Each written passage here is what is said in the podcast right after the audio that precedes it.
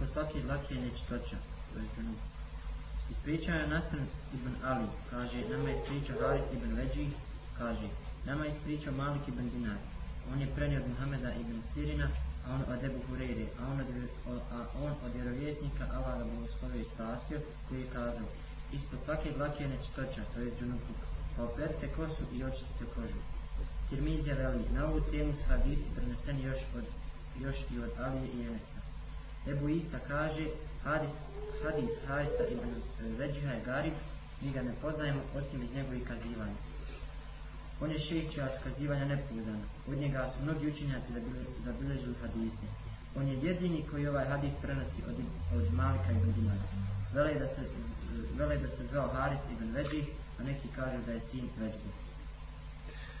Kao što čuli ovaj hadis od Ebu Hureyre radijallahu ta'ala anhu, e, jeste hadis daif, slab. Onaj hadis zbog ovoga prenosi od Harisa ibn Većha za koga kaže imam Buharija da je on uh, slab, također Abu Dawud, također Ibn Hajar Raskalani kaže da je on vrlo, vrlo slab i nepouzdan prenosioc haditha. Oto da sam senet ovog haditha nije pouzdan. Pazite. Jer bi on onaj bio kontradiktoran sa prethodnim hadithom. Jer kaže ovdje u ovom hadithu Allahu poslanika sallallahu alaihi wasallam, tahte kulli ša'ratin ženabe kaže po svakom dlakom jeste nečistoća. Fagsiru ša'ar, operite kos, pazite, što podrazumijeva da bi bilo obaveza svu kostu da žena u ovom slučaju operi. Wankul bešara. I kaže, onaj, očistite svoju kožu.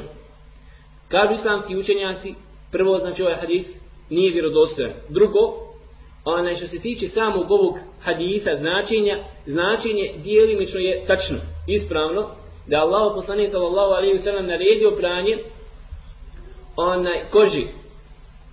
I također možemo reći onaj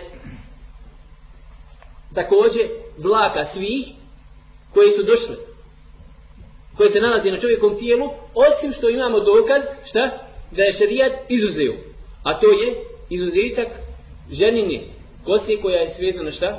U red, razumijete li? Oto da kažemo, znači da ova hadis slab što se tiče seneda, ali da je djelimično značenje mu ispravno i tačno, tako da on nema u osnovi nikakve kontradiktornosti između ovoga hadita Allahu poslanika sallallahu alejhi ve sellem s tim kada bi bio vjerodostojan onda onda bi bio kontradiktoran šta sa ovim prethodnim hadisom koje smo malo prije spomenuli.